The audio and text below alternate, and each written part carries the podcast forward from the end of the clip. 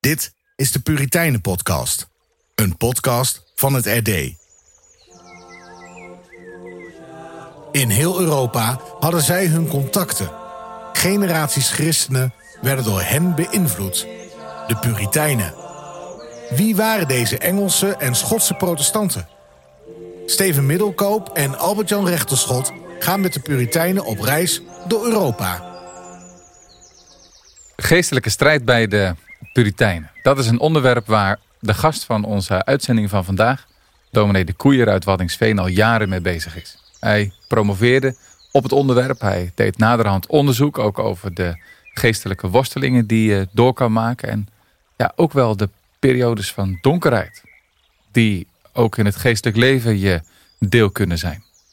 Dominee de Koeier, hij hield zich daarmee bezig als het gaat om onderzoek. Hij preekt ook elke zondag.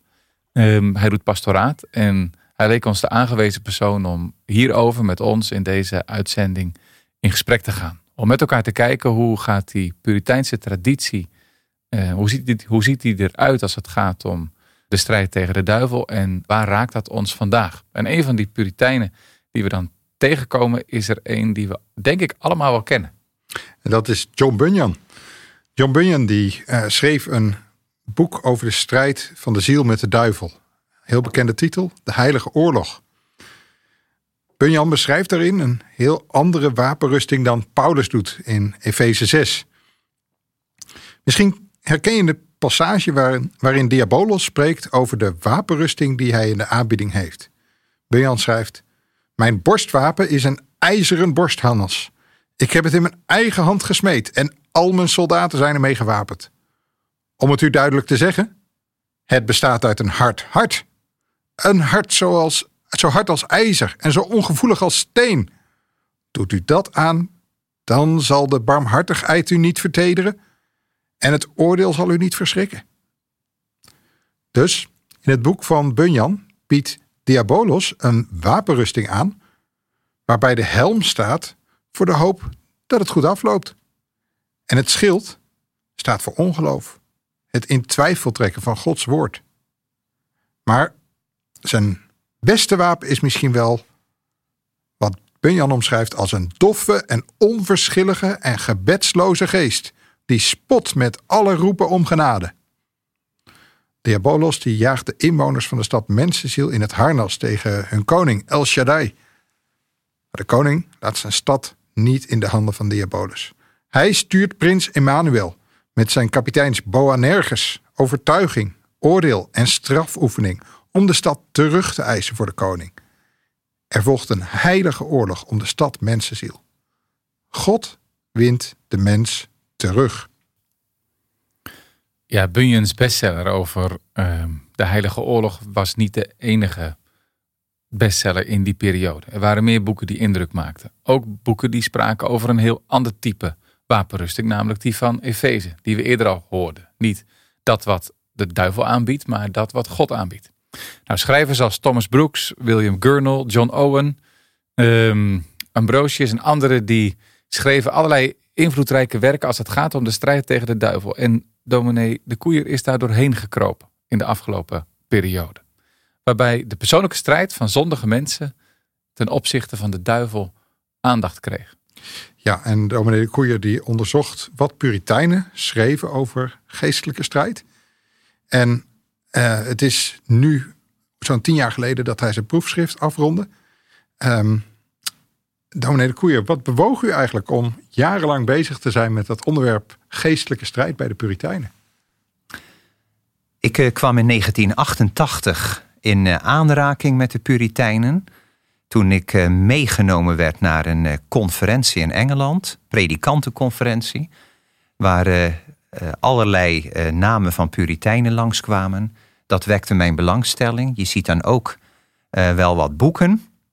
Ik dacht, um, zou er een thema zijn waar ik wat nader onderzoek naar zou kunnen doen? Nou, er zijn verschillende thema's, maar um, ik kwam erachter dat er nogal wat werken geschreven zijn over de geestelijke strijd. En ik vond het wel mooi toen ik daarmee bezig was. Ik had het eerst niet door.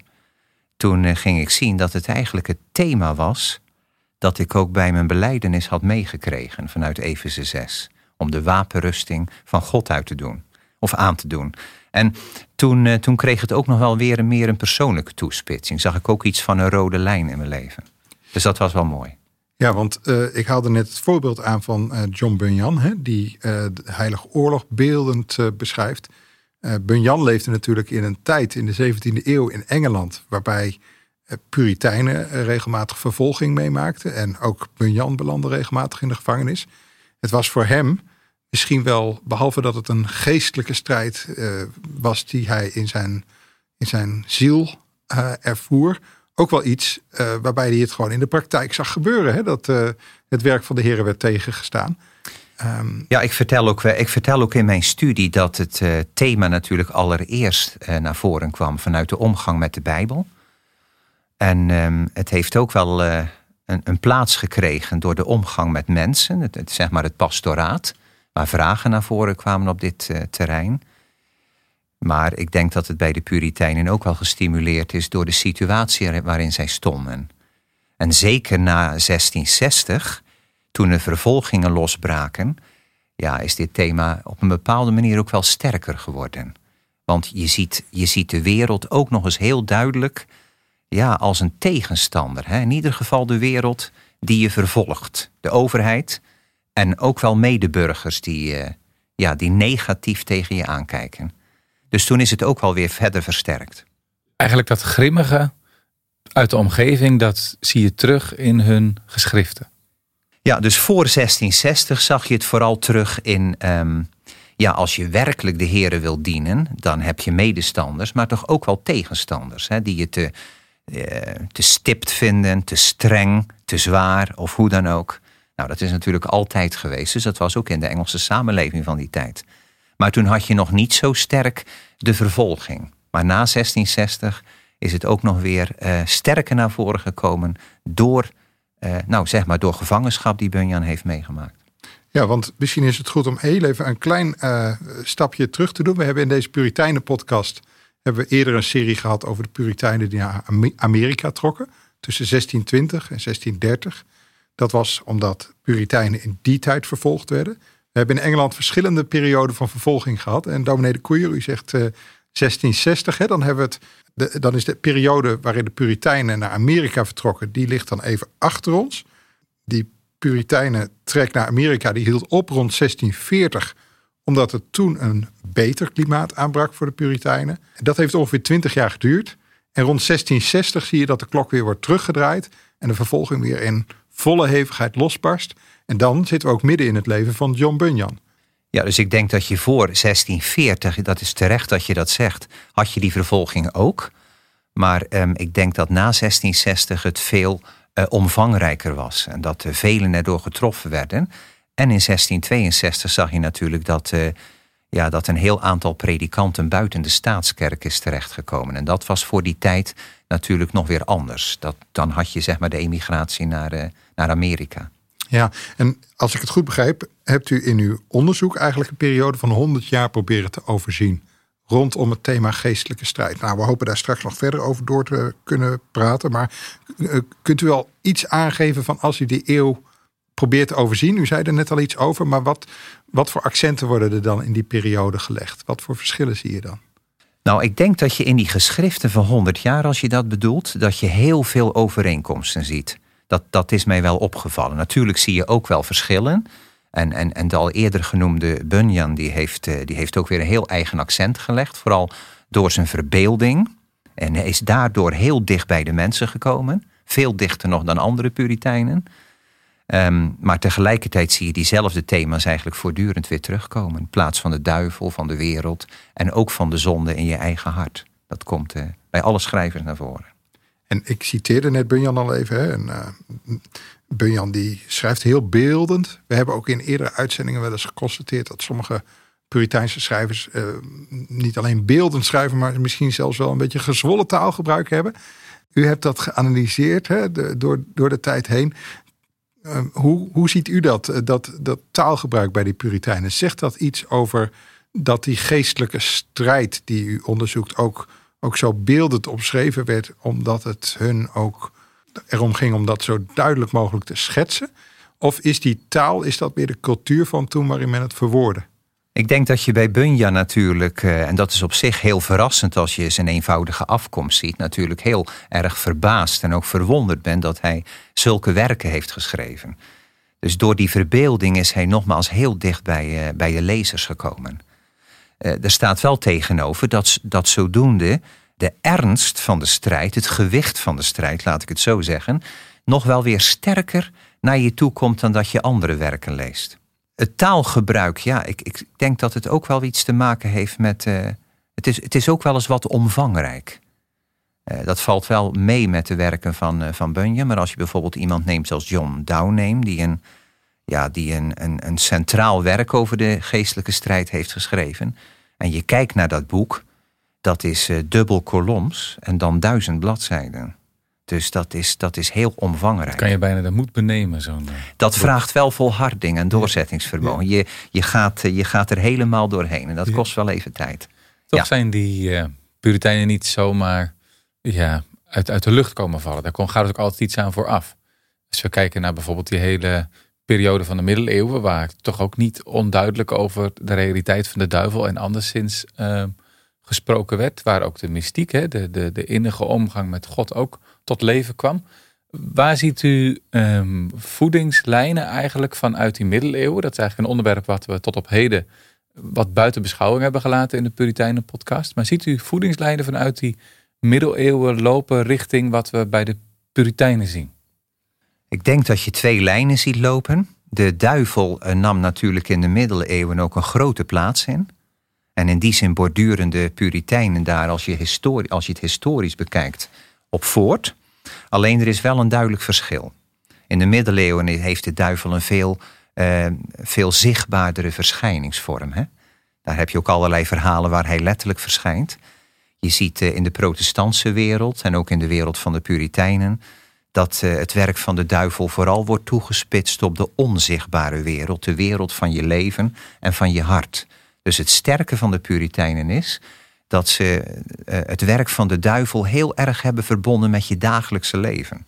Met wat je daarin tegenkomt aan verleidingen en hoe je daar weerstand aan kunt bieden. Je komt hem dus niet tegen in plaatjes, je komt hem niet tegen in, in, omstandigheden waar die als figuur op je afkomt, maar juist in het onzichtbare, in de ervaring. Ja, juist, juist de invloed die hij heeft op je hart, hè, op je geest, op je hart, dat is natuurlijk het. Uh, zo komt hij wel heel dichtbij.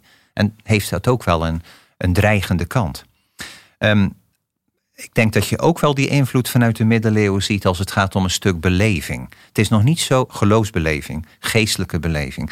Het is nog niet zo makkelijk om die lijnen precies te vinden, want uh, ze vermelden niet veel schrijvers. Maar je ontkomt niet aan de indruk dat ze toch wel uh, bijvoorbeeld mensen als Bernard van Clairvaux um, hebben gekend, of Thomas à Kempis, of um, misschien ook nog wel uh, een stukje mystiek van Engelse bodem. Maar dat moet je meer veronderstellen dan dat je dat in de tekst heel duidelijk aan kunt wijzen. Dus je zegt eigenlijk, soms denk je, dit, dit lijkt Bernardus die ik hier hoor, maar je kan er niet altijd de vinger op leggen.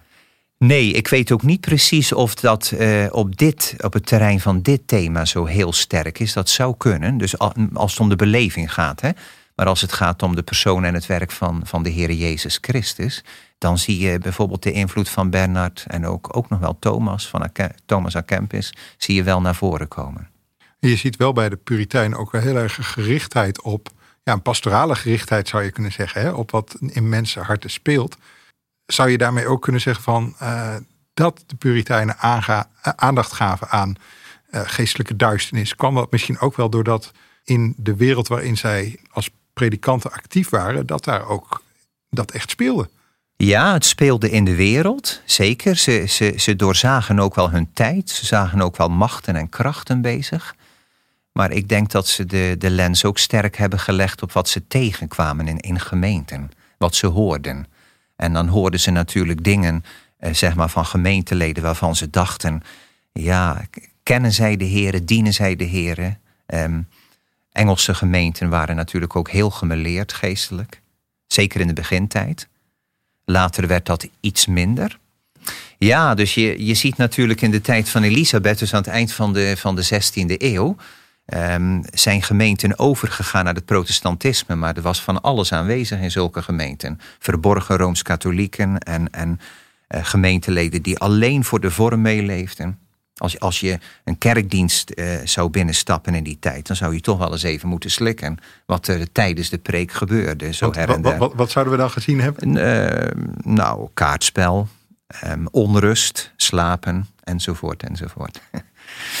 maar um, later, dan ben je wel een stuk verder hoor. Ik denk dat je dan al wel na, uh, nou, ik denk zo rond de tijd van 1660, maar ook al iets eerder eh, door, door, verschillende ontwikkelingen krijg je meer um, congregationalistische gemeenten. En die zijn zelfstandige Ja, de zelfstandige gemeenten, die zijn ook wat homogener. Natuurlijk is er ook echt wel verschil in. Maar dan zie je dus dat de geloofsopbouw, dus nog steeds klinkende noties van bekering en wedergeboorte, wordt er ook gewaarschuwd, eh, zeg maar de twee wegen. Maar je ziet ook veel sterkere aandacht voor de geloofsopbouw. Men staat echt buiten de staatskerk en probeert die eigen groep uh, verdieping ja, aan precies. te brengen. En, en juist in die tijd zie je ook dat, dat, dat de werken over de persoon, de geschriften over de persoon en het werk van de Heer Jezus Christus, um, ja, dat die veel aandacht krijgen bij, bij mensen als John Owen en Thomas Goodwin en uh, ook anderen wel. Nog, nog even, even dat kleine stapje terug naar die Puriteinse exodus, zeg maar, hè, tussen 1620 en 1640. Er vertrekken dan best wel een aantal toonaangevende Puritijnen naar Amerika. Um, en u schetst eigenlijk dat die periode rond 1660, dat er dan toch uh, een, een, een, zekere, um, ja, zal ik het zeggen, een zekere volwassenheid ontstaat in uh, hoe de Puritijnen aankijken tegen bepaalde onderwerpen. Ook in Engeland zelf. Dus er was niet echt een brain drain geweest, uh, zou je kunnen zeggen, waar ze niet meer overheen kwamen. Nee, nee, je ziet dat door bepaalde ontwikkeling, dus ook al voor 1660. Ik denk dat je dat in de tijd van de burgeroorlog ziet, 1640 enzovoort, hè, 1650. Ja, dan, dan zie je dat de kerkelijke kaart toch iets verandert. Gemeenten veranderen ook. En dat, dat bepaalt toch wel de prediking en het pastoraat. Dan um, bij het vroege puritanisme zie je toch sterker um, het, het onderscheidende, de waarschuwing. Uh, wat is echt geloof en wat is uh, niet echt geloof. En dat, dat verdwijnt later niet. Die lijn die blijft ook wel in het puritanisme. Maar juist later zie je dat, dat, dat de verdieping van het geloof... In, met het oog op de persoon en het werk van de Heer Jezus... veel sterker aanwezig is. Vergelijk je Owen, vergelijk je Perkins, een van de vroege puriteinen... met Owen, dan hebben ze het allebei over Christus. Perkins ook. Hij, hij, hij tekent zijn werk, zijn, zijn geboorte, zijn lijden, zijn sterven, opstanding... Maar, maar Owen die werkt dat veel zeg maar, bevindelijker uit in het kennen van de Heer Jezus. Uh, de gemeenschap met hem. Ik denk dat dat zeg maar, de, de, de rijping is in het puritanisme. In de tijd van 50 à 100 jaar.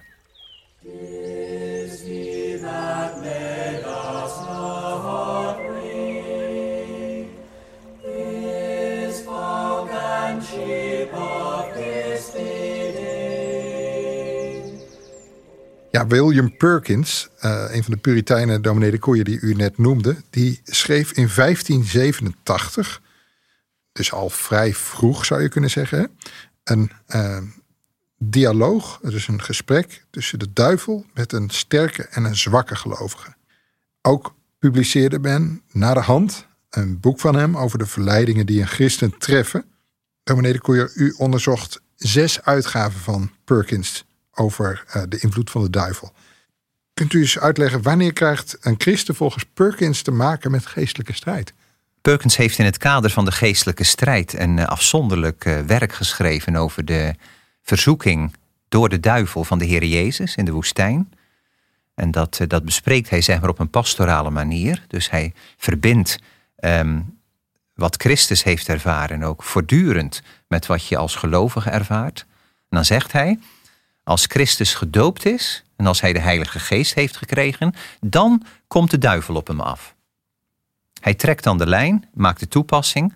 Als je tot geloof komt, dan krijg je pas echt te maken met um, de confrontatie met de duivel.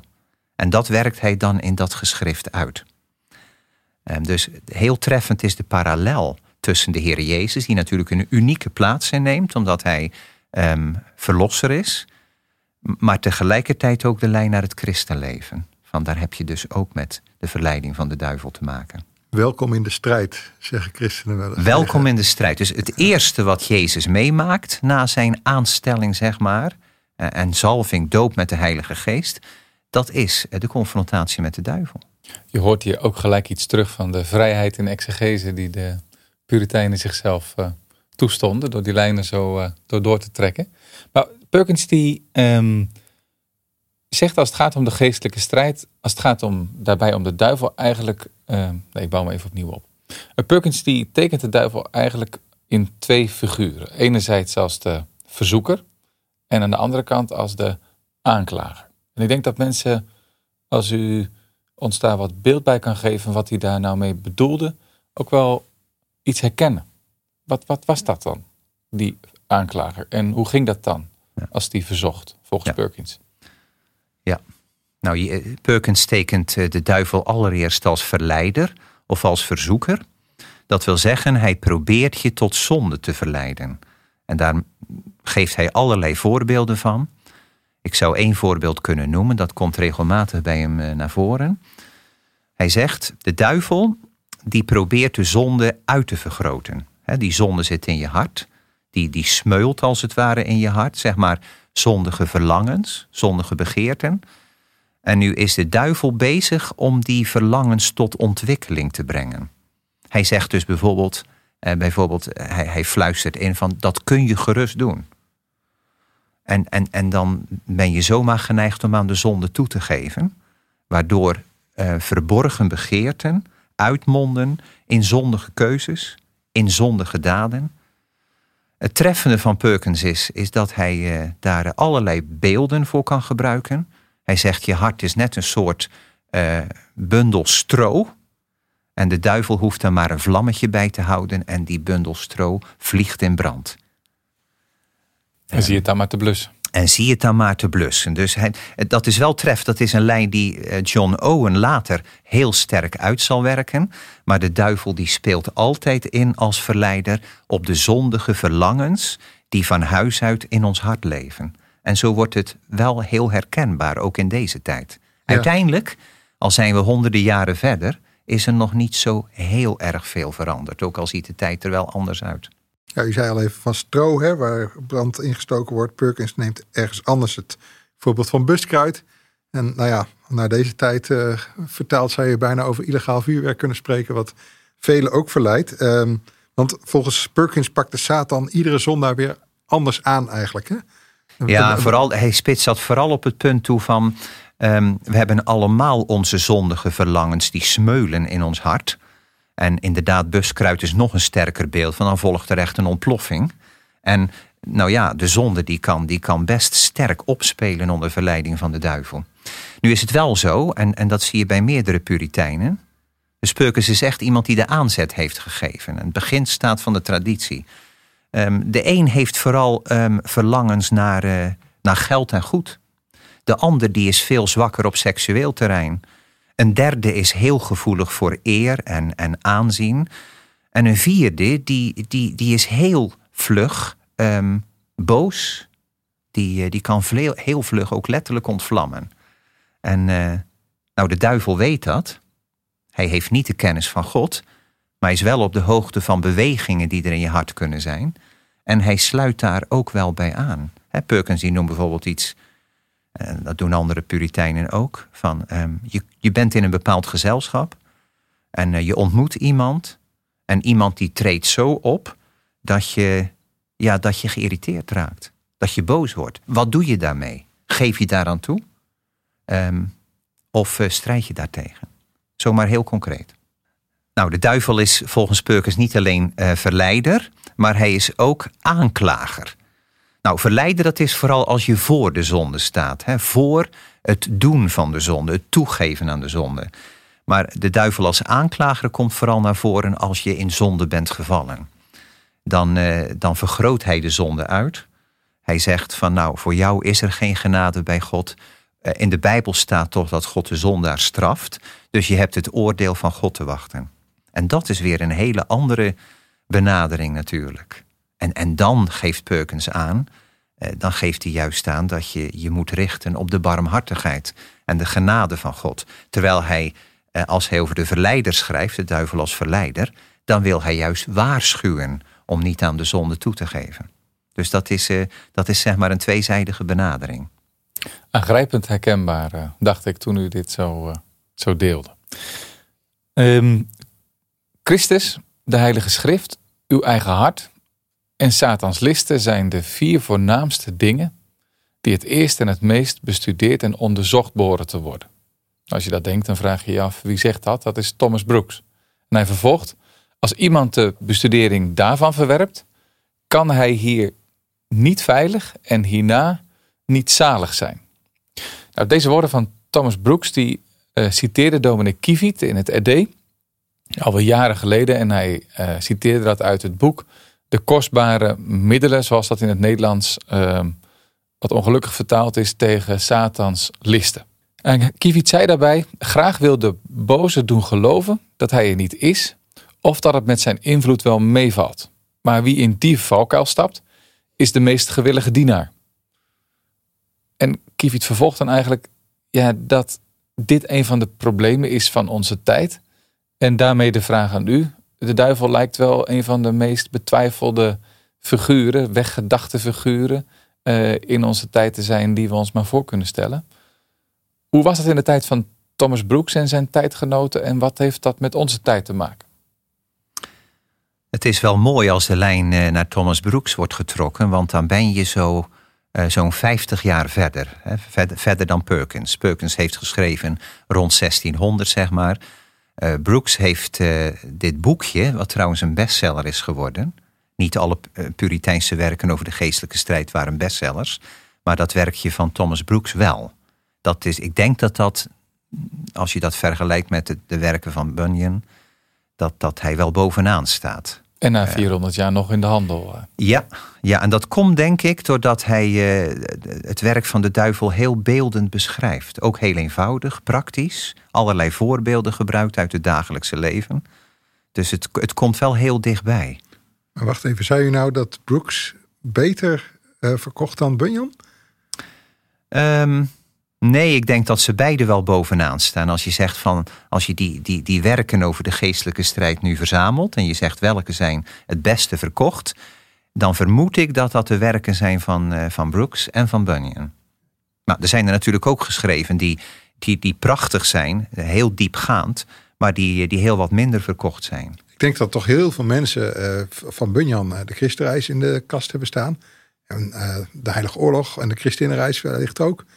Um, uh, maar ja, misschien ligt het aan mijn waarneming. Ik denk dat Brooks in veel Nederlandse uh, boekenkasten toch minder voorkomt. Ja, dus het Brooks, dat is wel minder. Maar kijk je naar de Engelse situatie en, en de 17e, 18e eeuw, dan is eh, zijn boekje over uh, het werk van de duivel wel het meest herdrukt. Dus wij houden het met een, uh, is een voorbarige conclusie hoor, maar wij houden het met een spiegelverhaal beter uit dan met de concrete beschrijving van Brooks. Ja, ik denk dat je moet zeggen, als, als dingen verbeeld worden, dan blijven ze altijd weer beter haken. Dat, dat, ik denk dat het in de prediking ook zo is. En dat is eh, ook als je tegenwoordig een boek leest, als je iets voor je ziet, dan, eh, dan scheelt dat wel. Ik denk dat in die tijd, 50 jaar na Perkins, dat um, nou, de aanwezigheid van de duivel um, in de prediking en ook in het pastoraat, dat dat zeker aan de orde kwam. Um, de duivel was een. Was een levende realiteit. Uh, zo werd het ook in die tijd beleefd. Dus in die zin, dan is er niet zo heel veel veranderd in 50 jaar. Ik denk dat je wel moet zeggen dat bepaalde middeleeuwse invloed, bepaalde middeleeuwse voorstellingen, uh, waarin hij wel heel sterk aanwezig was in allerlei dingen, dat dat gaandeweg wel wat minder wordt. Je bent toch 50 jaar verder. En, en, en als de tijd verder opschuift, dan wordt dat natuurlijk toch wel wat minder. En, en wat is het verschil dan? Als u zou moeten schetsen, wat is dan middeleeuws en wat is dan het Ik denk dat het middeleeuws is dat de duivel um, heel erg aanwezig is in allerlei dingen. Er was ook wel een, er was ook wel een angst in de late middeleeuwen. Uh, ook wel een angst, een bepaalde angst voor het oordeel van God. Maar ook wel een bepaalde angst dat je zomaar overgeleverd kon worden aan de duivel. Hè? Je had ook de notie van hekserij. En hekserij, dat werd ook verbonden met, eh, met de duivel.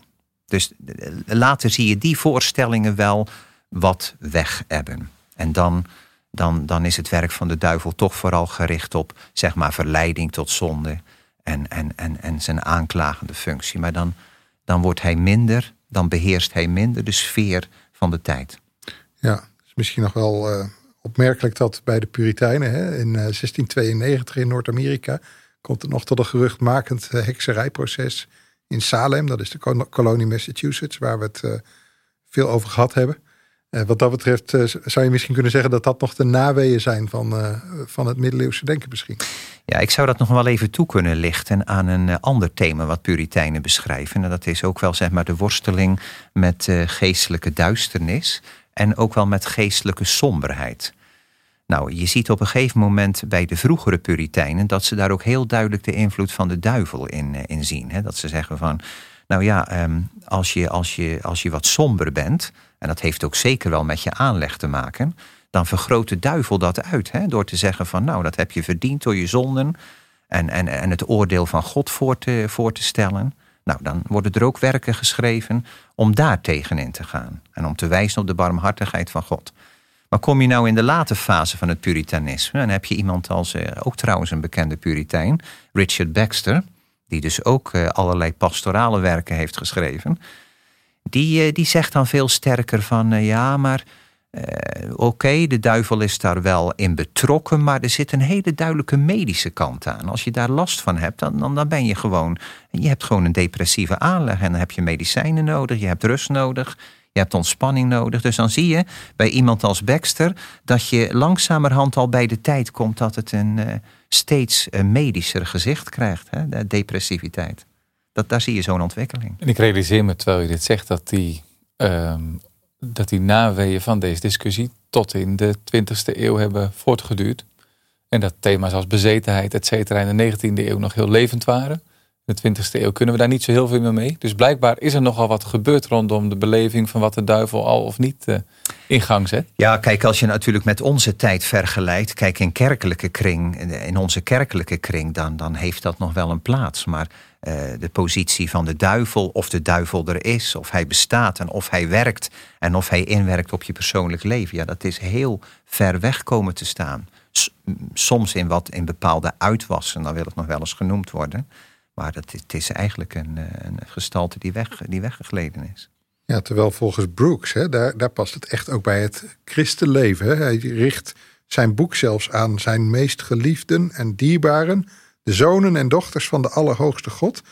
Dus hij veronderstelde uh, aan, bij de geadresseerden, bij zijn gemeenteleden, zullen we maar zeggen, een geloofsomgang met God. Maar um, is die geloofsomgang volgens Brooks dan ook nodig om iets te merken van de duivel? Kijk, Puritijnen hebben gezegd, de duivel is ook, uh, die werkt ook in mensen die, uh, die God niet kennen, dus in ongelovigen.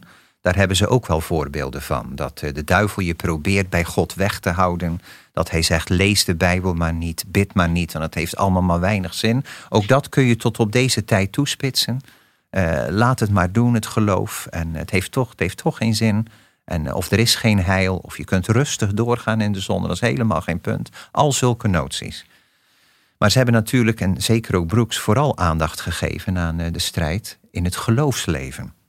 En kijk, als je dat boekje van Brooks neemt, het, eh, het mooie is, het treffende is, en dat komt ook heel dichtbij, dat hij ook weer een hele nauwe verbinding legt tussen het werk van de duivel en de zonde in je leven. Um, hij, wil, hij zegt dus, um, zonde kan heel klein beginnen. Hij vergelijkt dat vaak met, uh, met een ziekte. Een ziekte kan klein beginnen. Je schenkt er geen aandacht aan, het valt wel mee. Maar als je er geen aandacht aan schenkt en het niet behandelt, dan groeit die ziekte uit. En dan kan het zo ver komen dat er weinig meer aan te doen is. Nou, hij past dat toe. Hij zegt, als je de zonde laat gaan, je pakt de zonde niet aan, je strijdt er niet tegen, je beleidt het niet, dan groeit de macht en de kracht van de zonde steeds meer uit. En de duivel die, voert, die vuurt dat aan, die vergroot dat uit, die zegt het kan gerust. En, en, en zo kun je zomaar in een situatie komen dat, eh, dat je gevangen zit in het net van de zonde en van zondige verlangens. Wij zouden in onze tijd misschien ook kunnen zeggen van, uh, van bepaalde verslavingen. Hmm. Of dat nou aan pornografie is, of dat is ehm, aan geld of aan eer. Nou, dat is vaak een, een, een lang proces van toegeven aan de zonde, waardoor allerlei patronen kunnen ontstaan.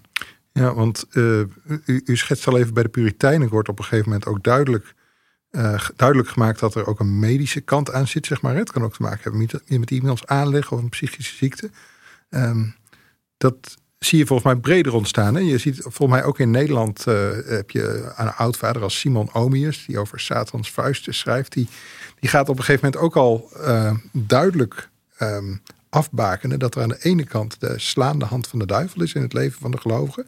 En aan de andere kant onderscheidt hij ook wel duidelijk dat er uh, ja, toch ook soms het te maken heeft met iemand die um, ja, psychisch in de knoei zit. Ja, ik heb dus na mijn, eh, na mijn proefschrift in 2010 en 2014 een soort vervolg geschreven over geestelijk lijden bij de Puritijnen. En daar hoort ook uh, zeg maar de somberheid bij, de depressiviteit. En daar in, in, in die werken zie je dus ook wel aandacht voor de medische kant. Maar wel in de latere tijd vooral. Voor de mensen die uh, dit boek willen kopen, een donkere wolk die voorbij gaat. Het is nog in de handel. Klopt, klopt, ja.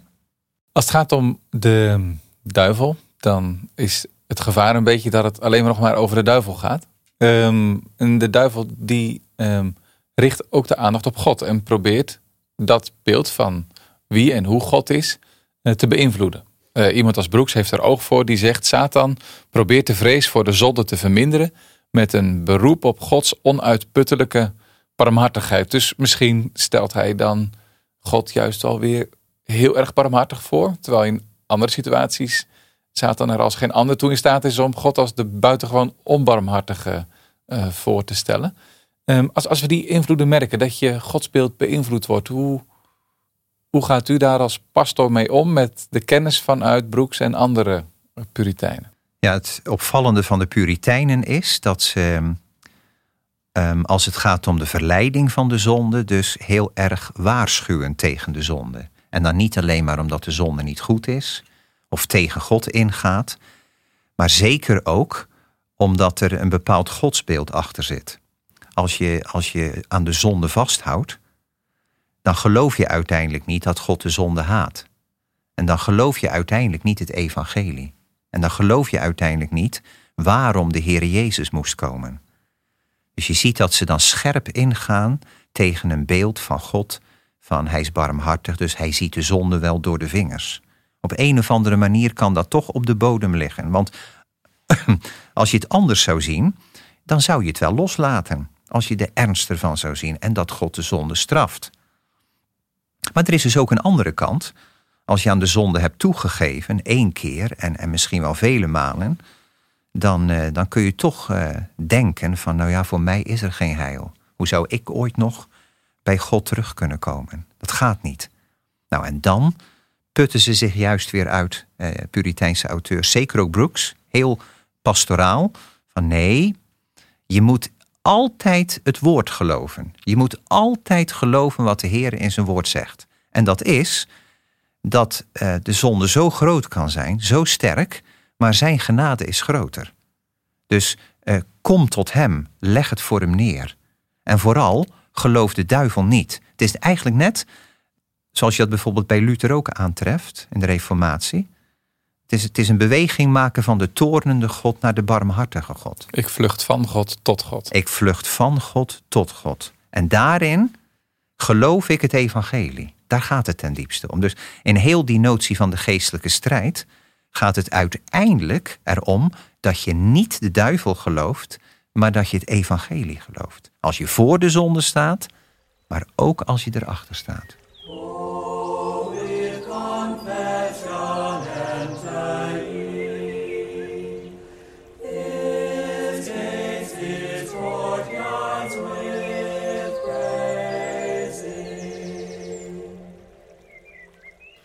U hebt zich uh, intensief hiermee bezig gehouden. En um, wat, wat heeft dat gedaan met, u, met uzelf, met uw geestelijk leven en uh, mensen die onder uw gehoor zitten uh, tijdens de preek, wat, zouden die ervan kunnen merken? Ik denk dat er wel een tijd is geweest, en ik denk dat die er nog steeds wel is, maar als je dan met, intensief met zo'n onderzoek bezig bent, dan, ja, dan werkt dat toch sterker door. Er is wel een periode geweest, denk ik, dat het in mijn prediking um, ook wel, wel duidelijk te merken was. En ik vermoed dat het nog steeds te merken is. Maar ehm, vooral toch wel ehm, de waarschuwing tegen de zonde. En ook wel, concreet toegespitst, als je ervoor staat, voor de verleiding, zie je dan ook de invloed van de duivel.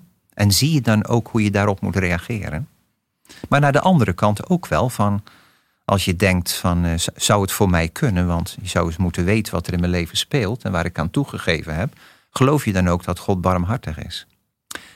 Ik herinner me dat ik uh, in de jaren van mijn onderzoek eens een keer een aantal preken heb gehouden over Romeinen 8, vers 13, waar staat um, dat je door de Heilige Geest de daden van het vlees uh, doodt. Dat is een roeping voor elke gelovige. Nou, daar heb ik eens een keer over gepreekt en ik merkte dat ik toen ineens de invloed proefde van uh, John Owen, die over die tekst een werk heeft geschreven. En toen merkte ik heel duidelijk in de toepassing en de preek van hé, hey, hier komt mijn onderzoek in mee. U uh, noemt daar John Owen. Uh, die heeft een uh, boek geschreven wat in Nederland op dit moment best wat gelezen wordt. Het kwam recent uit bij De Banier op leven en dood over de verzoekingen en strijd tegen de zonde. Een boek wat werd ingeleid door professor Baas. En ik merkte dat op mensen in mijn omgeving behoorlijk wat indruk maakte. En ook wel tot inkeer bracht in de zin van, nou, zo concreet heb ik er eigenlijk nog niet over nagedacht. Um, waarin onderscheidt Owen zich dan als het gaat om deze dingen? Het eigene van Owen is dat hij bepaalde noties, die je ook wel bij Perkins vindt, dus zeg maar uh, 60 jaar eerder, globaal gezegd, ja, die werkt hij uit. En dat is vooral de lijn dat duivel en zonde heel nauw verbonden zijn. Owen die tekent in een van zijn werken heel uitvoerig de aanwezigheid van de zonde in je hart. Dat vind je bij bijna geen enkele van de Puritijnen zo. Het gaat echt ook wat de psychologische kant op. Hoe hij, hoe hij die begeerten tekent die er kunnen zijn als een smeulend vuur. En daar, eh, daar heeft hij een heel afzonderlijk werk aan gewijd. En, en, en dat vind je zo niet in het puritanisme. En um, als, hij, als hij de activiteit van de duivel tekent, dan benadrukt hij sterker dan andere puriteinen dat het uiteindelijk vooral is van de zonde die, die ontwikkelt zich in je leven. Broek schaft dat ook al wat aan, maar niemand um, meer dan, dan, dan Owen maakt die verbinding tussen duivel en zonde zo, zo diep en zo sterk, zodat bij Owen de strijd tegen de duivel eigenlijk een strijd is ook tegen jezelf en tegen de begeerten in je eigen leven. Ik vermoed dat het aansprekende tot in onze tijd is dat je zomaar dingen uit je eigen leven kunt herkennen. Van zijn die begeerten bij mij ook zo aanwezig en zo sterk, zo gevaarlijk? En wat moet ik daartegen doen? Nou, dat geeft Owen ook aan. Het mooie van Owen is dat hij de strijd tegen eh, zeg maar je zonden eh, heel duidelijk verbindt met eh, de Heer Jezus Christus en met het kruis van de Heer Jezus. Hij zegt, toen de Heer Jezus stierf, toen, zijn je toen is je zonde ook gestorven, de macht en de kracht van je zonden. Maar dat is niet het enige. Je hebt er ook de dagelijkse strijd tegen. En wat kun je dan het beste doen? Dan kun je het beste met die zonde naar het kruis toe gaan en dan kun je het beste omhoog kijken. Dan, zo leidt de Heilige Geest je dan ook. En dan moet je naar Christus kijken en zeggen: Hebt u daar nou zo voor moeten bloeden? Hebt u daar nou zo uw leven voor moeten geven, voor willen geven? Zou ik dan de zonde nog willen doen? Dus de bijdrage van Owen is heel pastoraal, maar ook radicaal, dat het kruis de doodsteek is, niet alleen voor de zonde, maar ook voor je zondige begeerte. En het mooie is dat je dan strijdt tegen de zonde en de gemeenschap met Christus heel nauw met elkaar verbindt.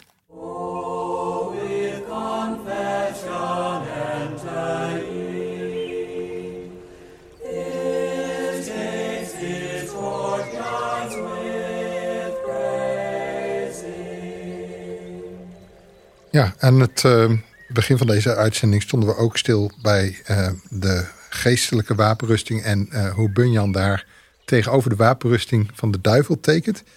We hadden het nu over Owen, een andere uh, bekende puritein, William Gurnall. Die schrijft over die, die wapenrusting en hoe dat in het leven van een christen functioneert. En hoe dat ook in het hart van ongelovigen werkt. Um, bij het ontvangen van genade wordt, het, wordt de mens vernieuwd door de Heilige Geest. Maar toch blijven we zwak als het gaat om de strijd tegen de zonde. U zei net hoe Owen daar tegenaan kijkt. maar hoe keek Gurnall daar tegenaan? Ja, Gurnall heeft eh, zijn uitvoerige werk. Het is ook wel uitvoerig, ook wat minder bekend. Ook juist in de Nederlands en in Nederland. Um, maar um, dat is ook wel weer het treffende. Dat bij hem zie je ook heel duidelijk het dubbele van het christenleven. Het is wel mooi om dat in Bijbels licht nog even iets breder te tekenen. Want um, hij zegt aan de ene kant dat je als christen zwak bent en aan de andere kant sterk. Als je de wapenrusting van God gebruikt. Eh, daarmee wil hij onderstrepen, zoals het ook in de Bijbel, in het Nieuwe Testament heel helder is, dat je aan de ene kant uh, deel hebt als christen aan het heil, dat Christus overwonnen heeft, dat hij ook de duivel overwonnen heeft, zeg maar het reeds, het nu. Maar tegelijkertijd spreekt de Bijbel, het Nieuwe Testament, over dat het volmaakte nog niet is aangebroken. En dat betekent dat je dus ook strijd hebt te voeren tegen de duivel en tegen de zonde. Eh, het mooie bij Gurnall is dat dat geen uh, hopeloze strijd is. Uh, dat zou misschien wel eens een gedachte kunnen zijn, jongen. Wat, uh, wat hebben schrijvers daar uitvoerig aandacht aan besteed? Maar het is uiteindelijk strijden voor een gewonnen zaak. Want Christus heeft overwonnen. Alleen, om op de goede manier te strijden, moet je geen eigen middelen gebruiken, maar moet je de wapenrusting van God gebruiken. Nou, wat is die wapenrusting? Dat zijn gaven die God heeft gegeven. Dan kun je allerlei dingen noemen, maar Gurnall eh, besteedt de meeste aandacht aan twee onderdelen. En dat is eh, het schild van het geloof en het zwaard van de geest. Nou, om dan bij dat laatste te beginnen, het zwaard van de geest, dat is zeg maar de Bijbel. En ook dan trekt hij de lijn um, nauwkeurig naar de Bijbel luisteren. Dus tegen de verleidingen ingaan met woorden die tegen de zonde waarschuwen. Tegen de aanklacht ingaan, dus tegen de vertwijfeling, tegen de wanhoop, met de beloften van het evangelie, met de nodiging van de Heer Jezus. Zo hanteer je het woord als een zwaard. Ga ik dan bidden met beloftes of zo? Hoe werkt dat dan? Ja, zo kun je dat noemen, want hij, hij besteedt ook veel aandacht aan het gebed, hè, waar die passage uit Efeze 6 mee eindigt. En hij zal dan ook zeker benadrukken van neem de toevlucht tot God eh, met zijn woord. En, en, en vertrouw erop dat, dat de Heer dan ook je gebed verhoort. Dat je dat niet te vergeefs doet. Maar juist het gebed geeft aan dat je ehm, dat je ook van de Here afhankelijk bent om de wapenrusting op de goede manier te gebruiken. Dus die wapenrusting is er wel, het woord is er wel, maar je moet het ook op de goede manier gebruiken. Daar heb je de Heilige Geest voor nodig, maar daar heb je dus ook het gebed voor nodig om de Here ehm, te vragen om zijn hulp en bijstand. Zou er dan ook nog een bepaalde voortgang in zitten, in de zin van dat het langzamerhand beter wordt? Gurnall heeft het bijvoorbeeld over de jonge christen die heel gevoelig is voor uh, opvlammende begeerten. En dat zou dan bij wat meer ervaren christenen misschien wat afnemen. Um, is dat zo? Herkent u dat, wat Kernel daarover zegt? Nou, je komt uh, in Puriteinse geschriften, en ook in Puriteinse geschriften over de geestelijke strijd, de persoon van de weak Christian tegen, de zwakke christen. En het is niet altijd eenvoudig om precies op het spoor te komen um, wie daarmee bedoeld wordt. Ik bedoel, Um, is dat nou de christen die aan het begin van de geloofsweg staat? Ik vermoed dat dat wel zo is. Uh, daarom ook de notie van de geestelijke groei. Hè? Dat je niet alleen tot geloof komt en tot bekering, maar dat er ook een voortgang um, in de weg van het geloof komt. Um, dus de, als zwakke christen dan heb je ja, vaak het sterkste te maken met de verleiding. En dan ben je ook het meest geneigd om daaraan toe te geven. Kun je ook het meest geneigd zijn om je soms door je gevoelens te laten leiden en ook makkelijk in de vertwijfeling terecht te komen. Heb ik weer gezondigd. Want je hebt nog minder zicht, minder krachtig zicht op het evangelie, op de belofte van God en ehm, op de genade van God. Nu moeten we wel voorzichtig zijn natuurlijk, want je zou bijna de gedachte hebben, nou als je verder komt op de weg van het geloof, dan wordt die strijd ook steeds minder, dus het gaat steeds beter. Ik denk dat Puritijnen ook aangeven dat je, waar je ook staat op de weg, dat je er altijd mee te maken hebt. Zodra je denkt van, nou het gaat best, het gaat aardig, dan kun je zomaar in zonde vallen. En dan kan het soms weer levensgroot voor je staan. Dus wees altijd alert. Maar het is wel zo, hoe verder je komt op de weg, hoe waakzamer je geworden bent. En hoe meer je ook ehm, steunt op Gods woord en belofte. Maar val niet in slaap, hè? Bunyan in zijn christenreis. Als christen in slaap valt, dan, uh, dan gaat het niet goed.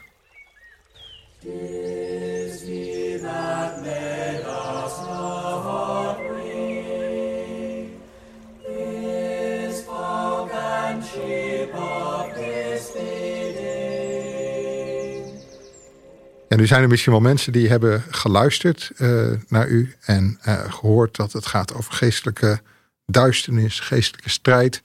En ook dat er uh, door de Puritijnen manieren worden beschreven om daarmee om te gaan en, en om daaruit te komen. Maar misschien zit er wel een luisteraar die zegt van ja, maar hoe moet dat bij mij dan? Want ik, ik kom er niet uit. Wat zou u tegen zo iemand willen zeggen? Um, ik denk dat um, ik, ik zou twee dingen willen noemen als het gaat om de lijn naar onze tijd, ook pastoraal, dan is denk ik wat Puritijnen schrijven natuurlijk uh, ja, iets van, uh, van honderden jaren geleden. Dat lijkt ver weg te staan, maar hoe zij de verleiding van de zonde tekenen, waar de duivel dus achter zit, dan komt dat ook alweer heel dichtbij. Uh, als ze voorbeelden noemen, wat er in je hart kan leven. Owen heeft dat vooral gedaan, maar ook andere schrijvers dan is het net alsof ze ook weer in deze tijd staan. Natuurlijk heeft het een ander gezicht gekregen, maar als je, als je, bijvoorbeeld, als je bijvoorbeeld eraan denkt wat er uh, via de media naar ons toe kan komen, voor beelden, voor woorden, uh, wat, je, wat je mee kunt maken in de samenleving, of ook soms in de kleine wereld, aan verleidingen op uh, financieel terrein, terrein van eer en roem, of in de wetenschap, het terrein om groot te worden. Of, of heel, hele terrein van, van de seksualiteit. En, en zo zijn er nog meer terreinen. Nou, dan komt dat best wel heel dichtbij. En dan, dan, dan ziet het er iets anders uit. Of misschien wel erg veel anders. Maar de namen zijn uiteindelijk gelijk gebleven. Tim Keller heeft uh, wat jaren geleden een boek geschreven over de afgoden van deze tijd. Hè? Seks, macht en geld. Nou ja, dat hebben de Puritijnen ook al toegespitst in hun tijd. Ehm, ik denk als je, als, je, uh, um, als je worstelt met een vraag van uh, hoe kom ik nou geestelijk verder? Ik, ik merk ook uh, verleidingen in mijn eigen leven. Ik, ik worstel er ook wel mee. En het vertroebelt mijn zicht op de Here zo makkelijk. Nou, dan denk ik juist dat de Puritijnen ook veel, veel kunnen bieden. Um, zou een paar dingen willen noemen. Ze waarschuwen heel erg tegen het gevaar van de zonde. Uh, dus, dus laat het niet uh, voortwoekeren. Beleid het aan God. Vraag ook om kracht om er tegen te strijden. Denk er niet makkelijk over, over de zonde. Maar denk ook niet gering over de genade van God. Hij is sterker, hij is machtiger.